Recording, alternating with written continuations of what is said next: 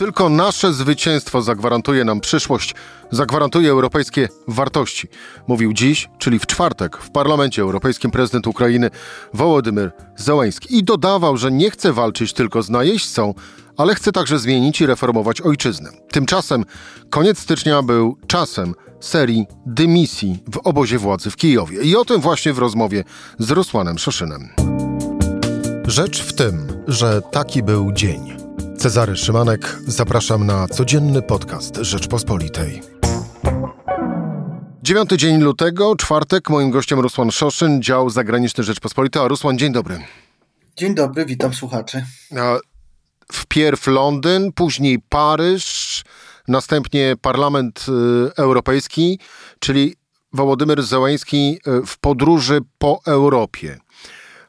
To jest podróż po to, żeby Europejczycy, politycy zachodni nie zapomnieli o tym, że jest wojna, czy to jest podróż po to, aby dostać jeszcze więcej uzbrojenia, a może właściwie jedno i drugie?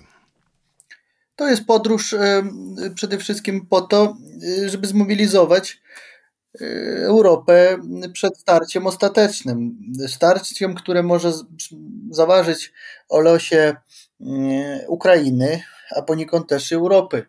Więc mówi się, mówi się o tych 500 e, tysiącach żołnierzy kolejnych zmobilizowanych, rzuconych do obozów różnych e, treningowych. E, mówi się o tym, że te siły już ruszyły w obwodzie ługańskim. No więc wygląda na to, że Zełenski próbuje w Europie przemówić osobiście do przywódców europejskich i wytłumaczyć im osobiście, jaka jest, jaka jest ranga tego niebezpieczeństwa, bo jeżeli by mielibyśmy do czynienia z sytuacją y, zwyczajną, y, powiedzmy, wojna toczy się już od roku, nic się nie zmienia, no to, no to myślę, że też nie byłoby takiej potrzeby e, wyjazdu e, osobistego Zełenskiego do różnych europejskich stolic, a to pokazuje, że w tak krytycznym momencie Zełenski opuszcza kraj, więc, e, więc no, sytuacja musi być bardzo, bardzo napięta. I tutaj potrzeba jest przede wszystkim Ukraińcom determinacji Europy w e, szybkości dostawach tych broni, czyli nie tylko same deklaracje i same, mm, i same te zapewnienia muszą płynąć z Londynu, e, Berlina czy w Paryża, Brukseli, ale też pytanie, jak szybko dotrą tam czołgi, jak szybko i czy ewentualnie dotrą tam samoloty i to wszystko osobiście pojechał załatwiać Zełenski, bo on zmienia od początku swojej prezydentury sposób takiej, mm, taką kulturę dyplomacji. W ogóle on zmienił do góry nogami, wywrócił dyplomację ukraińską. E, prezydent tam przed tym zawsze był bardzo ostrożny w jakichkolwiek takich bezpośrednich zarzutach, czy nie wiem, jakichś relacjach z europejskimi przywódcami, oszczędzał słowa, nikt się mocno nie wychylał, jeżeli chodzi o, o, taką, o taką oso takie osobiste zaangażowanie. Zełenski pokazał, że potrafi być stanowczy, potrafi mówić wprost, to jeszcze na początku wojny udowodnił. No i teraz wygląda na to, że no, osobiście mobilizuje europejskich polityków. No, też rośnie jego rola. Im dłużej ta wojna trwa, im, im, im słabsza jest Rosja, to rośnie też rola Zełenskiego w Europie. A jak w takim razie, i tu przejdźmy, wróćmy do, przenieśmy się do Kijowa. Mm, jak to w takim razie wpływa na rolę Zełenskiego, e, jeżeli chodzi o ukraińskie władze? Tym bardziej mając w głowie ostatni tydzień stycznia i ową e, falę dymisji e, w ukraińskim rządzie? No, w ogóle mamy do czynienia z sytuacją bezprecedensową, jeżeli chodzi o um, znaczenie prezydenta w ukraińskiej polityce. Ono zawsze było um, spore, ale jednak y, no nie aż takie. To, co teraz się dzieje, to dzieje się to, na co Ukraińcy no, nie zgadzali się nigdy, czyli w zasadzie powierzyli całe, całą władzę kraju w ręce prezydenta. Y, zawsze tam była dotychczas przed wojną, mam na myśli oczywiście dyskusja polityczna, zawsze były gorące takie przepychanki, pretraktacje. Były zawsze mm, omawiane gorąco te dymisje, jeżeli kogokolwiek się zwolniło, to, no to tym żyła cała Ukraina przez tam parę tygodni. Dzisiaj widzimy, że dymisje mają no po prostu charakter masowy, ogromny, w ogóle niespotykany w historii najnowszej Ukrainy. E, nie oszczędzają nikogo, ani ludzi z obozu władzy, ani ludzi z opozycji, tam bądź, bądź to e, urzędnicy, ważni, mniej ważni. Lecą wszystkie głowy. Każdy, kto jest zamieszany w jakieś afery korupcyjne, czy się e, potknął gdziekolwiek i, i ktoś podejrzewa, czy dziennikarskie śledztwa na przykład się pojawiały i ktoś się stawał bohaterem tych śledztw.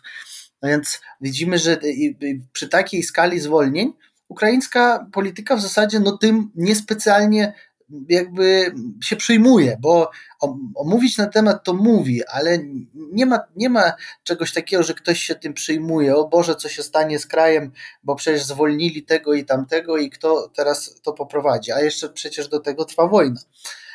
Czegoś takiego nie ma. Widać, widać, że społeczeństwo ukraińskie aprobuje te działania, no bo to się podoba znacznej części społeczeństwa, na pewno większości, można tak powiedzieć, jak zwalniają łapówkarzy, to, to, to każdemu to się podoba, bo to się wpisuje w, w, no, w psychologię każdego społeczeństwa, nie tylko ukraińskiego. Ale jednak Kiedyś to wszystko, wszystko temu towarzyszyły olbrzymie emocje. Teraz tego nie ma. Zełenski dostał władzę w kraju, można powiedzieć, że absolutną. Dzisiaj nikt nie jest w stanie podskoczyć prezydentowi Zełenskiemu, nikt nie jest w stanie e, mu zaprzeczyć i, i za, bardzo, za bardzo nie istnieją już pozostałe partie ani ugrupowania w, w społeczeństwie ukraińskim. U nas tam w mediach polskich czasami oni się pojawiają, różne nazwiska, ale jednak jeżeli otworzymy ukraińskie media i zobaczymy, czym żyją ukraińskie media, to tam tych nazwisk znanych e, w Polsce od tam wielu dziesiątek lat nie ma. Tam dzisiaj nie, nie istnieją ci politycy. Pojawiają się raz na dwa tygodnie jakieś wzmianki o nich, albo wcale, że gdzieś coś ktoś skomentował albo odniósł się do czegoś. E, w ogóle ukraińska polityka całkiem, e, całkiem się przetasowała na nowo i po wyborach jeszcze 19 roku, ale też i po wojnie i, i, i, to, to wszystko zupełnie inaczej wygląda. Jest to oczywiście nowa jakość, pewnie wojna tego wymaga, e, koordynacji działań, wymaga, wymaga mocnej postawy, mocnej osoby prezydenta, bo on ponosi odpowiedzialność za przyszłość kraju. I Ukraińcy mu widocznie tą odpowiedzialność powierzyli i oczekiwania też wobec niego są olbrzymie. Więc to jest oczywiście i zasługa, ale też i wielkie ryzyko, bo wojna kiedyś się skończy i wtedy czy te nastroje pozostaną, jak wrócić do tej debaty publicznej, jak wrócić do e, polityki, do życia politycznego, do Rady Najwyższej, e, to już będzie wyzwanie, ponieważ e, w międzyczasie Ukraińcy no mogą zapomnieć, że to życie jest inne, powiedzmy, tak? Że, że, że kiedyś było inaczej, bo jest wojna i wojna tak dużo zła wyrządziła, że człowiekowi całkowicie pomieszało w głowie. Więc, więc ukraińska polityka, no, tak jak niektórzy politycy z różnych partii ukraińskich, mniejszych, to mówią, że powinniśmy wrócić do życia parlamentarnego, takich, takich debat, takich dyskusji, żebyśmy nie zaprzepaścili tej demokracji, o którą walczymy, żebyśmy nie jakby mm, gdzieś nie pozostawili to po prostu, to, to nie odstawiliśmy tego na bok, że jest, jest takie, takie po prostu no, ryzyko. No ale jest wojna, nie ma co się dziwić, ponieważ gdyby każda decyzja była dyskutowana, debatowana w parlamencie i towarzyszyły temu jeszcze jakieś układy polityczne i interesy biznesowe, no to pewnie Ukraina by tę wojnę przegrała. Rosman, y, te dymisje, właściwie u, u, podstaw w większości z nich stały zarzuty, zarzuty korupcyjne. Piszesz o nich e, właściwie każdego, każdego tygodnia, przez ostatnie tygodnie, bo to jest właśnie kwestia owych ostatnich e, tygodni. Więc e, piszesz na stronach, e, stronach Rzeczpospolitej, ale te, czy te dymisje również wpisują się w tę narrację, z, którą od chociażby Załański dziś powtórzył w miejscu, do którego Ukraina dąży, Ukraina, której jest prezydentem. Czyli czy te dymisje to jest taki jeden z małych kroków na tej drodze do integracji z Unią Europejską, czy jednak bardziej, mm, no bo powiedziałeś, że ludzie powierzyli, ludzie na Ukrainie powierzyli y, właściwie kraj i oddali kraj Załęskiemu, żeby nim e, zarządzał.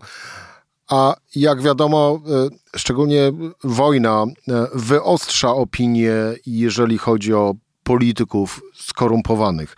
No więc na ile jest to, mm, na ile jest to gra, a właściwie e, wejście na tą ścieżkę integracji e, z Unią Europejską, czyli zmniejszenie skali korupcji, a na ile tak naprawdę jest to e, gra przede wszystkim na użytek wewnętrzny, by pokazać Ukraińcom, że ja jako prezydent walczę nie tylko właśnie z Rosjanami, ale walczę również z łapowkarstwem i korupcją w kraju i że nie ma takiej opcji, aby politycy dorabiali się na wojnie.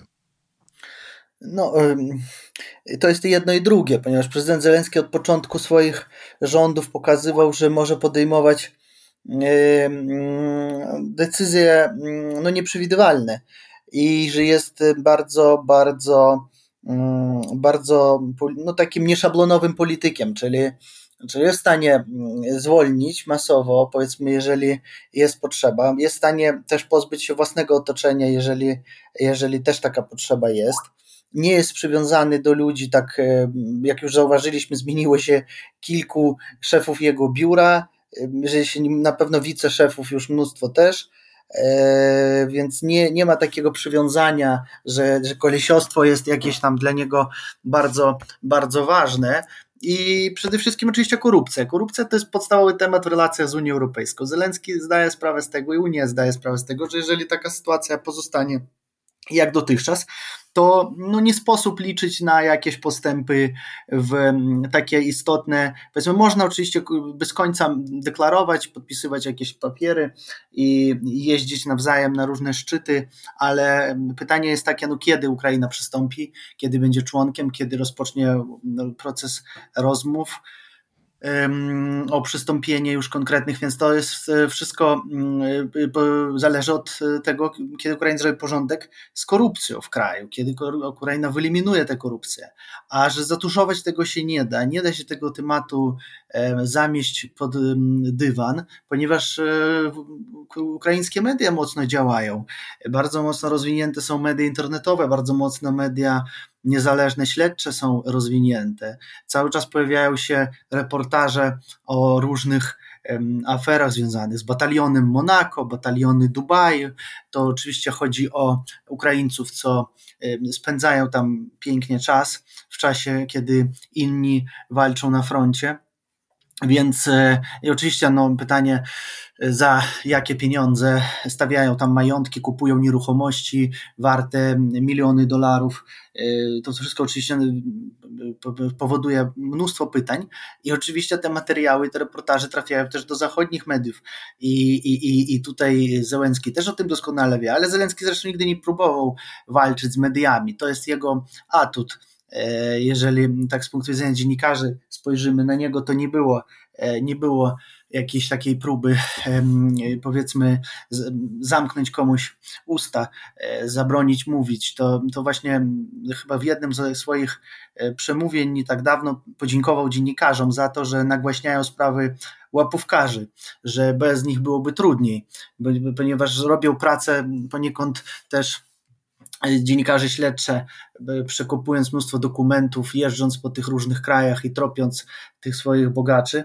no też pomagają służbom w tym wszystkim, bo, bo często później na podstawie tych reportaży są wszczynane postępowania i zaczynają weryfikować już wszystkie te informacje. Rusłan... To jest test dla państwa ukraińskiego, to co teraz się odbywa. W czasie wojny walczyć z korupcją to jest no, coś, coś, coś niebywałego i coś, coś bardzo bardzo takiego, no wydawałoby się, że niespotykanego, ale jednak no to się dzieje. E, jednak się dzieje i kto wie, czy to tak naprawdę z punktu widzenia Ukrainy nie jest najlepszy de facto moment, bo jest to y, moment z kolei, kiedy tego typu działania będą miały zawsze największe poparcie, e, poparcie społeczne. Rusłan, czy Ktoś przed Zełęskim miał taką władzę w Ukrainie? Żaden. Żaden prezydent takiej władzy nie miał. Nie miał. Nie miał tego ani Krawczuk, nie miał tego ani Kuczma, nie miał tego nawet Janukowicz, e, który, jak pamiętamy, mm, e, bardzo mocno potknął się na, na, na, na, na, na relacjach z Radą Najwyższą, z partiami w Radzie Najwyższej, którzy wyprowadzili ludzi na Majdan i stali obok ludzi, więc e, nie było, nie było dotychczas żadnego prezydenta, ani Poroszenko nawet, który e, też był pierwszym no, prezydentem po, po wojnie 14 roku, okupacji Krymu, wojnie w Donbasie, też nie miał w żaden sposób takich, takiego wpływu w czasie wojny tej pierwszej nie miał, ponieważ były też inne partie, były różne mm, tam no, mnóstwo interesów y, ludzi, układów, ludzi, powiązań i dotychczasowych jakichś tam y, obyczajów. A teraz, no oczywiście, to jest bezprecedensowa, e, bezprecedensowa władza, niespotykana dotychczas. Jest olbrzymi kredyt zaufania społeczeństwa. No widzimy to w sondażach, bo sondaże wskazują, że Zełenski ma, ma najwyższe poparcie. Oczywiście więcej Ukraińców ufa prezydentowi niż wszystkim pozostałym organom władzy. I to daje mu no, ten, ten kredyt zaufania. To jest oczywiście to, co w ukraińskim społeczeństwie nigdy czegoś takiego nie było, bo e, jak wiemy, od 90 lat budowano demokratyczne społeczeństwo oparte na, e, na takim podziale władzy pomiędzy prezydentem a parlamentem, gdzie parlament miał bardzo dużo do gadania. A w czasie wojny oczywiście no, w czasie wojny prezydent na przykład e, wskazał Radzie Bezpieczeństwa chociażby zakaz wyjazdu dla deputowanych za granicę, co jest nie do końca zgodne z konstytucją, ale zgodne z, y, z opinią społeczną, więc, y, więc Ukraińcy dają mu większy kredyt zaufania niż daje prawo nawet. Rusłan Szoszyn, dział zagraniczny Rzeczpospolitej. E, Rusłan, dziękuję Ci bardzo za rozmowę. Dziękuję bardzo. To była rzecz w tym w czwartek. Cezary Szymanek do usłyszenia po weekendzie.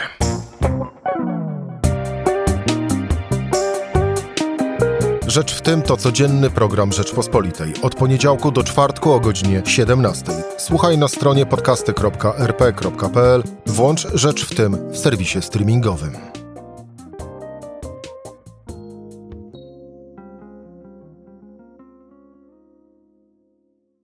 Poznaj mocne strony Rzeczpospolitej. Wejdź na prenumerata rp.pl. Polecam. Bogusław Rabota, redaktor naczelny.